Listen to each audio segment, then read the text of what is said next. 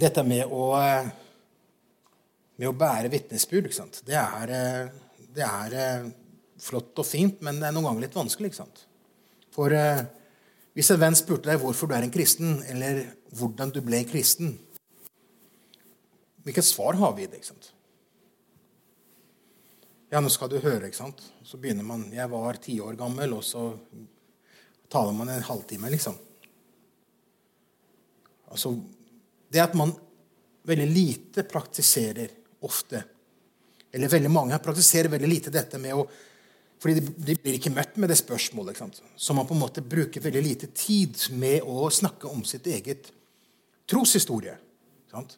Hvordan jeg kom til tro. Så blir det at når spørsmålet kommer, så, så begynner han å tenke hvor skal jeg begynne. da? Liksom? Altså, hva skal jeg ha med? Det er så mange momenter.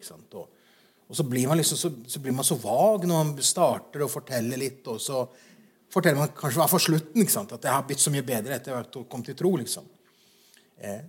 Og det er jo da alle disse som jeg har lest her, av disse forskjellige, og, og det ser jo på mitt eget liv, at, at, det viktige er at man kanskje en, en, Det er noen anbefaling som de kommer med, så får du se det selv. da, At man kan kanskje skrive ned, prøve å skrive ned med 300-400 ord vitnesbyrdet sitt. Og som da skal inkludere alle disse tre momentene her. Eh, som jeg håper kommer opp her snart. Sant? Før, under og etter. ikke sant? Hvem var jeg før jeg var kristen? Hva som skjedde? Hvordan var mitt møte? Hvordan har jeg blitt etterpå? Og Så kan noen si at ja, men jeg vokste opp i kristent hjem. og Jeg liksom, har jo ikke sånn, sånn pang-opplevelse. Men man har kanskje en, en, bevissthetsopplevelse. At man ble bevisst sin tro. Eh, og hvordan det da også har. Så man kan snakke om at vokste opp der som barn, i kristent hjem og alt mulig. Aldri tatt en spesiell bestemmelse, men ble i en periode der man, man, man, ble, man, ble, bevisst sin tro, og hvordan på en måte det liksom høsta inn i livet. Det å kunne være konkret i det og være kort i det er faktisk vanskelig. Fordi man sier det så lite. Man uttrykker det så lite. Eh, fordi man deler det så veldig lite, for man blir ikke spurt om det. Måte, det er bare sånn det er. Men en viktig del i dette er en forberedelse, og det vil jeg si, som en forberedelse for oss alle, også for meg, i disse temaene som vi har. Med samtale, med å møte mennesker. Kjell hadde her et, en preken for et par måneder siden, før han dro sørover, sydover, om at det er Paulus ber. At Herre må åpne en dør for ordet. ikke sant? Det, er en bevissthet i dette med at man ber Herre, Herre, bruk meg, Herre, hjelp meg, Herre, led meg. Så er det en bevissthet i dette her også, at, at jeg må være bevisst at jeg må kunne dele troa mi. Om noen spør ja, hvorfor er du en kristen, så liksom Ja, det er jo Jeg har vokst opp, eller liksom, Så plutselig så man, finner man ikke de riktige ordene og de riktige tingene fordi man tenker ikke så ofte på det. ikke sant? Og da kan En god øvelse i dette være at man skriver ned før, hvordan jeg var før, og når jeg ble frelst, hvordan det ble etter jeg er frelst. For jeg gå tilbake her, da. Peter han, han skriver jo sant, i tredje kapittel, vers 15 sant? Vær alltid beredt til å forsvare dere for enhver som krever dere til regnskap, for det håp som bor i dere vi skal være klar til å få forsvare hvorfor. Hvorfor er jeg en kristen, og hvordan ble jeg en kristen? At det skal ligge der. Og Jeg tror at vi alle kan klare det på en eller annen måte. Men det ligger en bevissthet der at når vi da skal begynne å gå på denne vandringen her, og Gud leder oss inn både Vi møter jo mennesker, og plutselig så er vi der. Så istedenfor å være leve et ubevisst liv og plutselig havne midt i en, i en greie der du river deg i håret og tenker ja, hvordan havna jeg her? Hvordan skal jeg komme ut av dette? så kan man heller prøve å være mer bevisst at de menneskene vi møter ikke sant? Sånn her hadde snakk om det på søndag. Ikke sant? Guds forsyn. At Gud leder mennesker. Gud forbereder mennesker i våre nærmiljøer og omgivelser for å kunne høre evangeliet på en eller annen måte. av omstendigheter eller annet. Så plutselig så står vi der, og så kan det hende at vi har gått glipp av mange muligheter fordi man har egentlig ikke vært bevisste. Man er på en måte mer opptatt av, av sine egne greier og sine egne ting. Istedenfor å være bevisst at ja, han eller hun ja, de sa jo noe rart en gang. Hvorfor sa jeg ingenting? sant? Og nå sier jeg ikke det for å anklage dere, for det, jeg anklager meg òg i dette. For jeg har også møtt mennesker så jeg tenker etter til Oi, ja, der at Noen ganger så blir du møtt av spørsmål som er helt spesielle. Og jeg husker I fjor så var det jo var en eh, i nærheten der vi bor, som sier at ja Han var jo ikke en kristen, da, men han, eh, han leste litt i Bibelen. Så jeg bare liksom, Å ja, sier du, sier du det? Ja, så flott, da. Ja, ikke sant? Og Så kommer han inn på dette med, med, med vaksinen. da. Og hvor forferdelig vaksinen var fordi den endra din DNA. Og så jeg, ja, for han hadde sett på noen YouTube-greier. Og, og, du vet at DNA det er Guds fingeravtrykk på deg. Så Gud vet hvem du er gjennom DNA.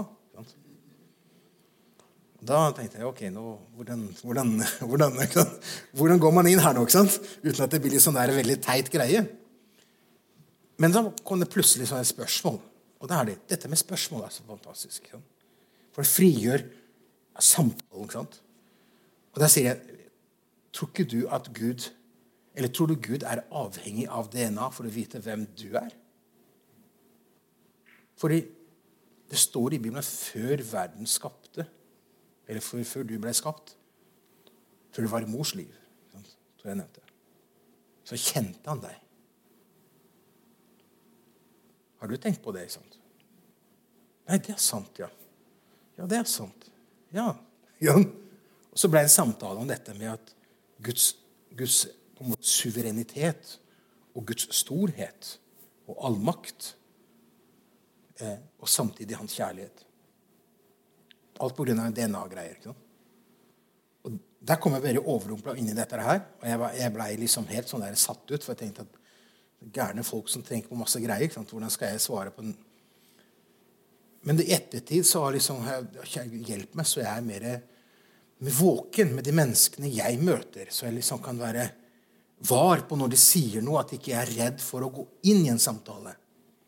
Og det her er noen ganger at vi feiger ut. Så istedenfor å gå inn i en samtale, så, så går vi ut av den. ikke sant? Så sier jeg, ja, ja da, det er mye greier. også. Vi kan ha en debatt om ting. Sant? Men hvor viktig det er at vi, vi kan ta initiativ ta et trosteg og tilnærmer oss mennesket, og når ting kommer opp, at ikke man er redd for å snakke om det. Og det er jo dette med, med, å, med å, ha et, eh, en, eh, et vitnesbyrd som ligger der. Og som jeg sa, så skulle jeg utfordre dere. Så jeg regner med at dere ikke har tenkt på det mens dere drakk kaffe. Men eh, vi skal dele dere opp i tre, tre og tre.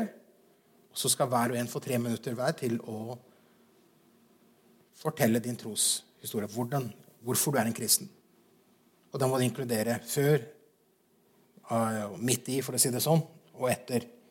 Altså Før, under og etter. Altså det, hvorfor, hvordan du var før, og hvordan frelsen skjedde, og hvordan livet har blitt etterpå. Så skal jeg ta tida på det. Eh, kan dere finne dere? Finne tre og tre, må jeg dele dere opp? Går det greit? Ja?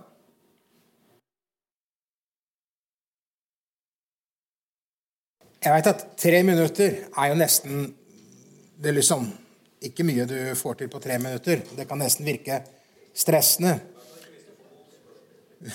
Ja, ikke sant? Og det er jo det at, eh, at, eh, at et vitnesbyrd ja, kan tenke planlegge innen 15 minutter. Men hvorfor jeg tok tre minutter? Fordi vi har ikke tid til å ta det så lang tid her. Men, men, det er også for å, for å, få litt den opplevelsen av hvor, hvor, vanskelig det er å dele troen konstruktivt og konsist. Og, og, tydelig og klart. Og selvfølgelig, det beste er om du opplever som Øyvind at du får spørsmål. For da opplever personen seg inkludert. Sant?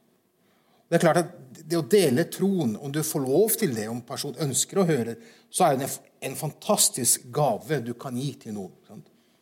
Og Der må ikke du gi perler for svin. altså. Det må være riktig tid, riktig tidspunkt. Personen virkelig interesse, og du spør ja, kan jeg få lov til å dele min tro. Sant? Hvis du er i forskjellige greier, Kanskje personen er veldig negativ til, til tro, eller hva den er. Eh, så kan du si, snakke om din tro. da, Kan jeg få lov til å dele min tro? da? Så kan du dele din tro på en, på en kort og grei måte. Veldig klar og tydelig, samtidig med de viktige momentene i ditt liv. Eh, som er at Det viser at du er gjennomtenkt i det, du er, du er tydelig i det. Men det var vanskelig, var ikke det, på tre minutter? Det var ikke noen som klarte det på tre minutter her, da. Men eh, fikk i hvert fall begynt, da. Ja. Men man ser også hvor viktig det er at man tenker igjennom. Hvis man plutselig får dette spørsmålet fra noen, sant? hvordan skal man da svare? Fordi det er eh, et moment til her i dette med vårt vitnesbyrd. Og det er det at Nå satt jo dere sammen med andre kristne, og vi har et språk jeg skrev ikke kanonspråk. Jeg skrev en kristnesisk språk. Fordi kananspråk, Hvis du sier kananspråk, så er det allerede kananspråk. Folk skjønner ikke hva kananspråk er. De skjønner kristne at hva kanonspråk er. Men, men, det er å ta for gitt at folk forstår ord som frelse, omvendelse, fellesskap. Ord som vi, som vi vi forstår frelse. ikke sant? Folk kan jo forstå frelse, men med et helt annet utgangspunkt. Eller, eller omvendelse. Omvendelse? Altså, det er liksom veldig merkelige ord som man kan kanskje bruke. Eller fellesskap. Eller, eller helliggjørelse. Sikkert ikke noen som bruker det ordet, men hvis man bruker det en ikke-kristne, så skjønner du i hvert fall ingenting. ikke sant? Eller snakke om evangeliet. ikke sant? Evangeliet går budskap. Ja, evangeliet, Hva er evangeliet for noe? ikke sant? Det å tenke gjennom de ord man bruker og heller prøve å erstatte de ordene med ikke mange setninger, men med én setning. Omvendelse. Hva, kan man bruke istedenfor å bruke omvendelse eller frelst? Man kan si jeg ble en kristen. Sant?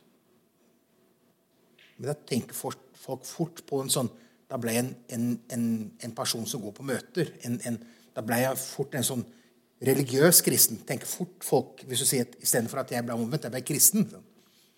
Så noen har foreslått for eksempel, at omvendelse kan være at jeg ble, altså mitt liv ble vendt mot Gud. For hvordan skal man si synd? Ikke sant? Folk skjønner jo synd. Ikke sant? Det er jo alt gærent. Men synd, hva er det som synd i mitt liv? Det var at, at jeg var i opposisjon mot Gud. Altså Omvendelsen var jo det at livet mitt ble vendt mot Gud. Den skifta retning. For der snakker man om relasjoner. Man snakker om, om et, et, liv i en retning. Man snakker ikke om en, en bås at nå er du en kristen, nå er du del i det. Men du snakker om et liv som på en måte Man tenker litt igjennom hvordan man bruker, bruker uttrykkene man snakker med ikke-kristne som ikke forstår noe. Sånn, et fellesskap. Man blir en del av det fellesskapet. Ja, ja, jeg er norsk, så vi er med i norske fellesskapet. Også. Men, men liksom prøve å, å, tenke gjennom de ord man bruker. Eh, og hvordan man da bruker de ordene. Og jeg husker når jeg hadde tentrop i, i, i Moss for det blir en stund siden, men, men da ble jeg snakke med tenåringer. ikke sant? Og snakke da om, eh, om, hvem er Gud, og hvem er Jesus, hva er Den hellige ånd, og på en måte ta alle disse temaene i Tentro. Og så tenkte jeg oi, nå må jeg gjøre noe med språket mitt. ikke sant? For jeg er jo vant med å preke til kristne folk. Og så må jeg preke. Og det var veldig bra, for det, det på en måte gjorde at jeg måtte bli bevisst ord og uttrykk, måten man sier ting på. Og ikke ta for gitt at folk kan det, men heller prøve å forandre språket. Eh, så det er en som har sagt det slik. Du som en kristen som skal, som skal, som skal være vitne, for vi er alle kalt til å være vitne. Men du som skal være vitner, at du heller må bli en oversetter. Du skal oversette eh, Guds ord. Du skal oversette det som har med det kristne liv å gjøre, til dems sitt språk. Så de kan prøve å forstå, selv om jeg vet at her er en teologisk greie med det å forstå. Gud må jo åpne. ikke sant? Så vi skal ikke omvende noen, vi skal liksom ikke frelse noen. Vi, men vi skal, vi skal få lov til å bringe Jesus, eller bringe dem innenfor Jesus i det vi vitner. Men vi må gjøre vår del, så ikke, ikke, vårt språk gjør at folk ikke skjønner hva vi snakker om. Men at vi må på en måte bli litt sånn en oversetter. Jeg tenkte på at veldig interessant i den karismatiske vekkelsen som var i Norge, liksom med kristensenter og alt det bibelsenter og liksom veldig sant? På 70-, 80-tallet og en del av 90-tallet. Og Det var mange som var frelst i dette. Men hvis du ser igjennom mange av de lovsangene som var der, så er det jo rart. ikke Sant? Altså, det strømmer av regn. Ikke sant? Strømmer av regn. Ikke sant? Eller blod og ild. Ikke sant? Det var liksom ord som man bruker i lovsangen på den tida, som er liksom veldig rart. sant? Eh, som for ikke-kristne har liksom Så vi ber om her med strømmer av regn. ikke sant? Falle ned. Og vi skjønner jo at det har jo med ånden som de snakka om. Men for en, en, en ikke-kristen så skjønner jo ikke det. Ikke så tenkte jeg veldig, veldig interessant å tenke på, på, en, på en, bevegelse eller en, eh, en eh, en kristen bevegelse som skjedde med herlighetsteologien og alt det som skjedde da, med 70-, 80-, 90-tallet. Og det var liksom skulle være friskt, og det skulle være annerledes, og det skulle være troskapende og folk var frelst i. menn. språkdrakten ikke sant? Den var som, som, som om folk snakka til andre kristne i bilde, kristen bildespråk. Folk var frelst i dette her òg, så det er jo fantastisk. Sant? Men det viser at vi, har liksom alltid, vi har tatt for gitt at noen ganger at folk forstår sant? hva vi snakker om når vi snakker om evangeliet. Og folk skjønner ikke hva evangeliet er. Ikke sant? De skjønner et ord. Ikke sant? De skjønner ikke innholdet. Ok? Det var det. Ikke sant? Den første delen handler om det å møte mennesker. så der du på en måte I møte med åndelige spørsmål så kan du møte møte med spørsmål som åpner til relasjon og samtale. Og I dette åpne samtale og relasjon så vil jo folk da komme med et spørsmål om din tro. Eller på en eller annen tidspunkt så må du tørre å ta det steget og spørre kan jeg få lov til å dele min tro. Kan jeg få lov til å fortelle hvordan min tro er? Og da må du på en måte være klar i det. Eller hvis noen spør deg hvorfor er du en kristen, at man da også har et klart på en måte bekjennelse, en, en, en, troshistorie som er ekte, som er sann, og som personen på en måte kan kanskje si etterpå at jeg skulle ønske jeg kunne oppleve det. Eller det var veldig fint å høre. ikke sant? Jeg tenker at man kan ha det sånn. Og det er det vi er kalt til å være vitner. Og der er det, ikke sant? Og der kommer vi inn med det andre aspektet her. Det guddommelige som er der til stede hele tida. Så jeg går litt sånn bakvendt i dette her med at jeg begynte med spørsmål, og så begynner jeg med vitnesbyrd. Og så går jeg til tredje og siste delen, som har med det å, med bønn og å være i en, i en forbederposisjon.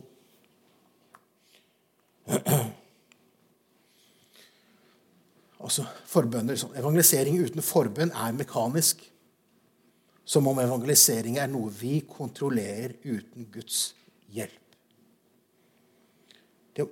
det å ikke bruke tid med Gud i bønn, konkret for de menneskene en kanskje vil møte, eh, så blir på en måte plutselig Og nå skal jeg evangelisere. ikke sant? Nå skal jeg, Fordi bønn gjør noe med oss. ikke sant? Og samtidig er det et forbønn uten evangelisering. Det blir noe falskt. Eller er falskt. Eller litt feil skrevet. Fordi vi benekter hvilken rolle Gud har kalt hvert enkelt en av oss til. Å gjøre disipler ikke fra, men av alle folkeslag. Gud har kalt oss til å gjøre. Gud har kalt oss til å være hans vitner. Så hvis man er bare en forbund som ikke gjør seg tilgjengelig for Gud til å bringe evangeliet, så blir det, så blir det en litt sånn falsk bekjennelse i dette. Vi er kalt inn i dette, vi alle sammen. På en eller annen måte, fordi vi alle møter mennesker der vi er. Det er klart at Vi er jo ikke som Philip, som kommer til ferdiglagte gjerninger på den måten. Men vi kommer til andre ferdiglagte gjerninger som Gud også har lagt i stand. Men det er bønn en viktig del for vårt liv. For bønn gjør noe med oss. Det hjelper oss i vårt fokus. Det hjelper oss i å åpne våre hjerter. Det hjelper oss at vi er ærlige overfor Gud over det vi syns er vanskelig. Og det hjelper oss i forhold til dette med, med å være i bønn eh, og i forbønn. Og Paulusen Paulus han sier det bl.a. når han snakker om forbønn i, i, eh, i Romerne 10, vers 1, så står det mine søsken, jeg ønsker at av hjertet å be til Gud at de må bli frelst. Hvem er snakker om de her? Det er israelittene. At jødene må bli frelst. Det ligger i Paulus, Paulus sitt hjerte en bønn. Sant? Han ber. Og Det er jo i hvert fall fire bønner som er nedskrevet av Paulus sine bønner. I Efeserbrevet er det to bønner, og så har du Kolossebrevet og Filippenbrevet.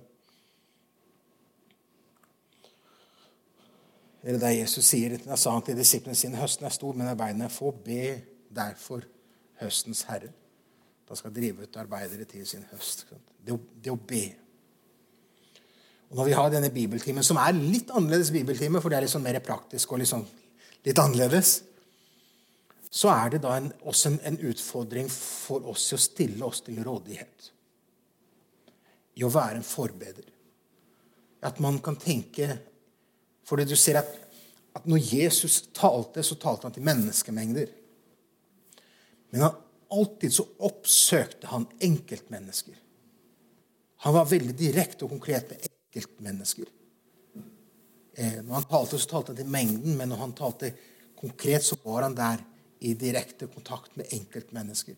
Og det, Sånn er det med oss. og Vi kan be for Drammens by og vi kan be for Norges land og konge, storting og regjering. Men du må, ha, du må ha noen konkrete navn som du vet trenger å høre Jesus, og som du vet er i ditt nær omkrets. Det er mennesker som du kan komme til å møte i løpet av dagen, uka eller nærmeste tid som du kan begynne å, å be over. Og be for det mennesket. For det gjør også at, at en fokuserer på at Herre, herre bruk meg. ikke sant? Her, går mennesket fortapt, evig fortapt, som jeg har i min omkrets. Og så har jeg holdt munn hele tida. Jeg har ikke sagt noen ting. Så, herre, hjelp. altså Jeg ser alvoret i det, og så ser ansvaret i det. Men til å prate og samtale med Gud om det. Der er bønnen viktig. Og da er det en eh, som har eh, av disse forfatterne som jeg refererer til hele tida her, som har skrevet om eh, på en måte ja, tolv bønner som man kan ha, inkludere i sine bønner. Tolv deler i det som har med denne bevisstheten Jeg skal fort vise det her, så det er ikke noe, det er ikke noe sånn systematisk at dere må gjøre det sånn. Men så bare for å vise litt av hvordan man kan på en måte samtale om det med bønn med Gud, og hvordan man da eh, eh, kan få hjelp til å ha fokus. Der det står eh, et åpent rom, kan man ha et, et navn. da. Så hvis vi har eh, Maria, da, det er et bibelsk navn da, ja? Gud hjelper meg til å bygge et omsorgsfullt forhold eller relasjon til Maria. Så refererte jeg 1. Korinter 9,22. Der man kan snakke om at Herre, hjelp meg, Herre til at eh, Marie kan få se Kristus i meg. At jeg kan være Kristus-lik. Da begynner du allerede å fokusere på at Herre, bruk meg. ikke sant? Men ikke nødvendigvis at du skal be med henne til frelse med en gang. sant? Gud send mennesker inn i Marias sitt liv for å vitne for henne. ikke sant? At det må komme flere troende mennesker inn i hennes liv. Det er ikke en bønn der ekskluderer deg. ikke sant? Det var viktig for forfatterens side. Men det er derfor du inkluderer andre også med. Herre, send flere inn i denne personen sitt liv. Gi meg mulighet til å være vitne for Marie. ikke sant? Sånn, åpne en dør for ordet, Herre. Gi meg mulighet, Herre. Hjelp meg, Herre, til at muligheten må komme. ikke sant? Om det er omstendigheter eller hva det er. Hjelp meg, Herre. Og det fjerde her er her. Og Gud, gi meg frimodighet til å vitne for. Og Der er du ærlig over sitt eget liv. ikke sant? Gi meg mulighet til jeg kan si ditt ord sånt, med stor frimodighet, med stor dristighet. sant? Altså, hjelp meg. Ikke sant? Du erkjenner at du trenger kraft. Du erkjenner at du trenger styrke i det. Og du inviterer Gud inn til å hjelpe deg til å være frimodig.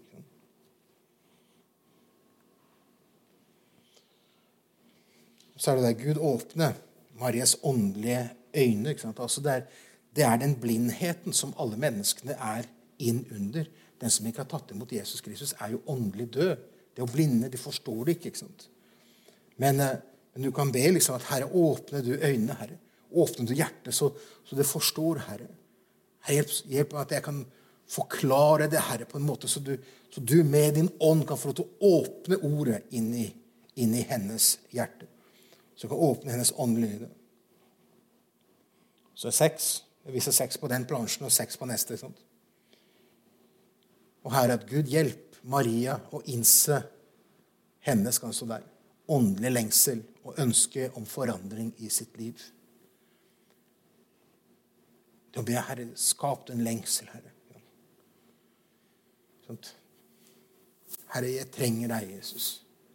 Herre, jeg trenger en, en forandring. Eller, altså, men be Jesus. Jesus, skap en, en, en lengsel som kan bryte den, den selvtilfredsheten eller bryte ned den stoltheten som vi, som vi, kan ha som mennesker. Da må på en måte hele tida liksom, jeg har nok med meg sjøl og mitt liv. og Ikke bland deg opp i mine ting. Sant? Men Herre, Herre hjelp, Herre, så, så hun Maria, eller den personen kan innse at jeg trenger åndelig Eller at jeg er åndelig sulten. Kan jeg ta på neste? Så nærmer vi slutten nå. altså. Det syvende Gud gjør Maries hjerte mottakelig for ditt ord, som er Vi snakker om den åndelige øyet, det å kunne forstå. Og nå snakker man om hjertet. Om hjertet på en måte som er, er åpent. Så frøet som faller på god jord. Du ser alle disse, disse stegene i, i, bønn her handler om at du forbereder noe i ditt liv. Du har noe med det åndslivet, og så er du fokusert på, som, på det andre menneskets liv. Gud gi Maria øre å høre med. ikke sant? Så hører etter. ikke sant? Så kan se og forstå.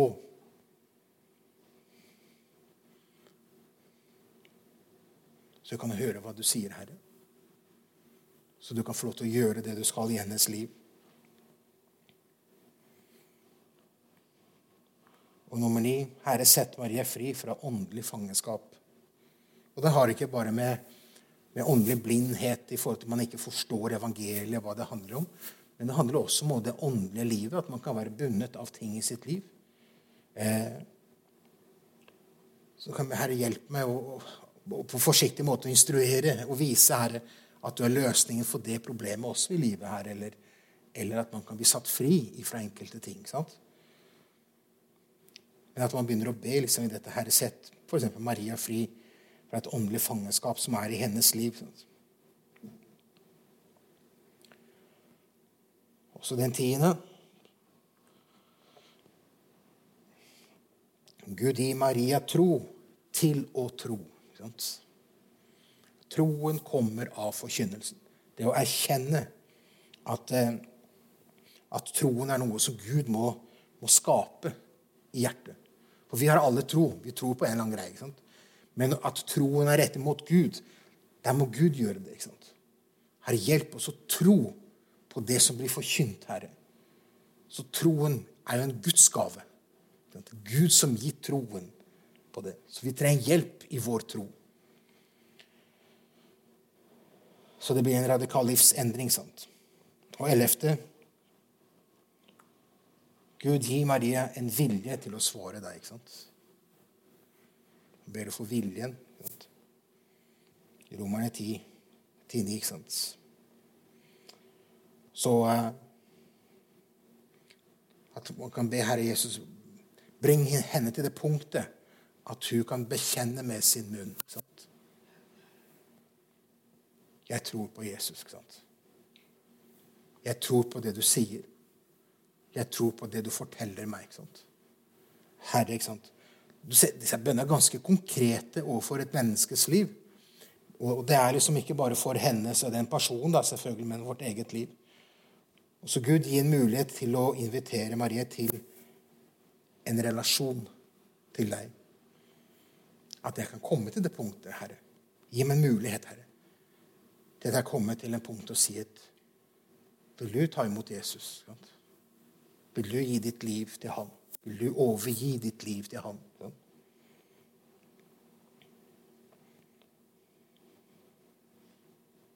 Så man kan be i dette her. Da, altså, altså, Herre, gi meg dristighet, eller gi meg muligheten til å komme inn til det punktet der jeg kan, kan spørre. Og det er et trossteg. For der, der er det, det er en åndelig kamp. Det er jo hele veien her. Men akkurat da da vil du oppleve åndsmaktene og åndskamper i over ditt liv.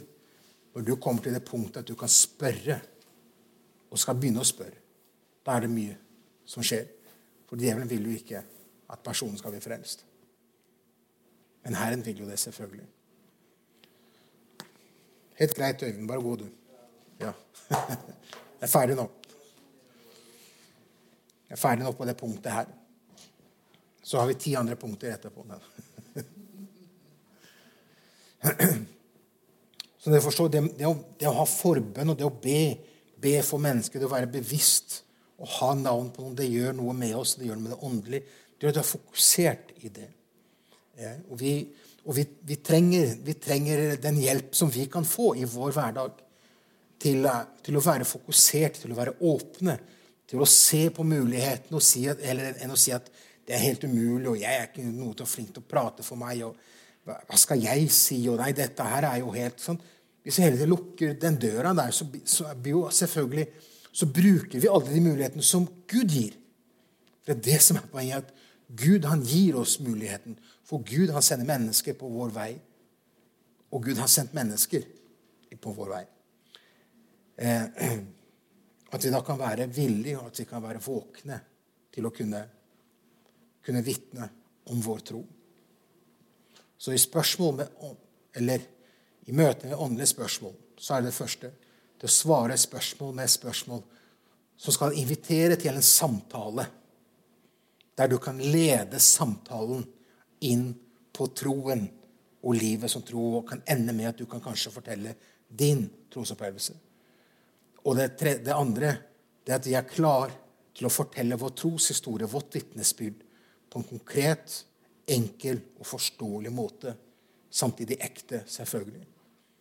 Og det, det tredje, som selvfølgelig skal være det første før man begynner alle de andre stegene, det er jo bønnelivet. At man er der i forbønn, at man er der bevisst. Og Jeg vil utfordre oss som er her i dag. og Det er ikke så mange på nettet, sånn sett, men eh, menigheten her har cellegrupper, og vi har forskjellige andre grupperinger i menighetene. Men, men vi har alle mennesker rundt oss at, at, vi kan tørre å si Jesus, Jesus, bruk meg. Bruk meg på arbeidsplassen eller nabolaget eller i familien eller hvor den er. Men at den gjør seg tilgjengelig. Fordi vi er alle kalt til å være hans vitner. I Jesu navn. Jeg ber litt sammen før jeg gir over ordet til, til Stein.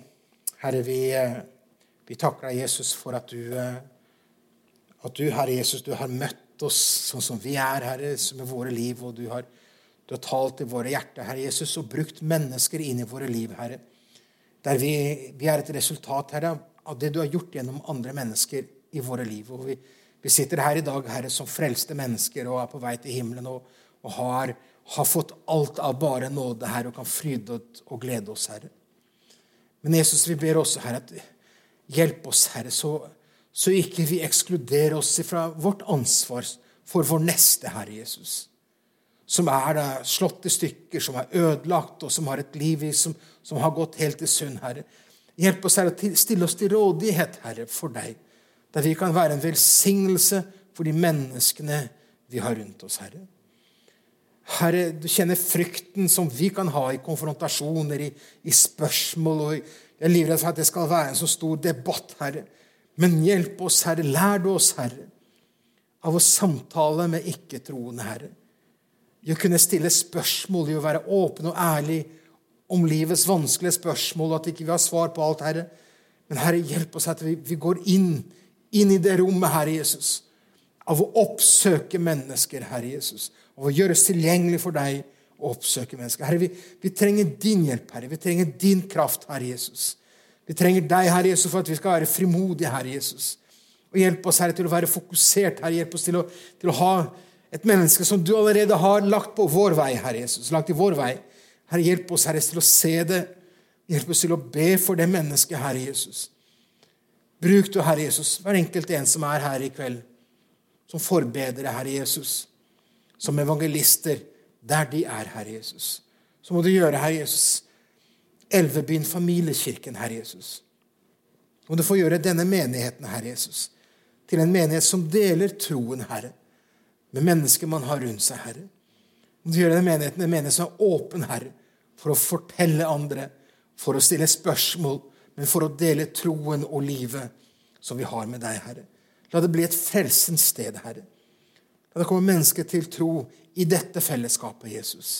Og jeg takker deg for det du ønsker det, Herre. Men ber om din hjelp, Herre, og din velsignelse over det vi har samtalt om nå her i kveld. I Jesu navn. Amen.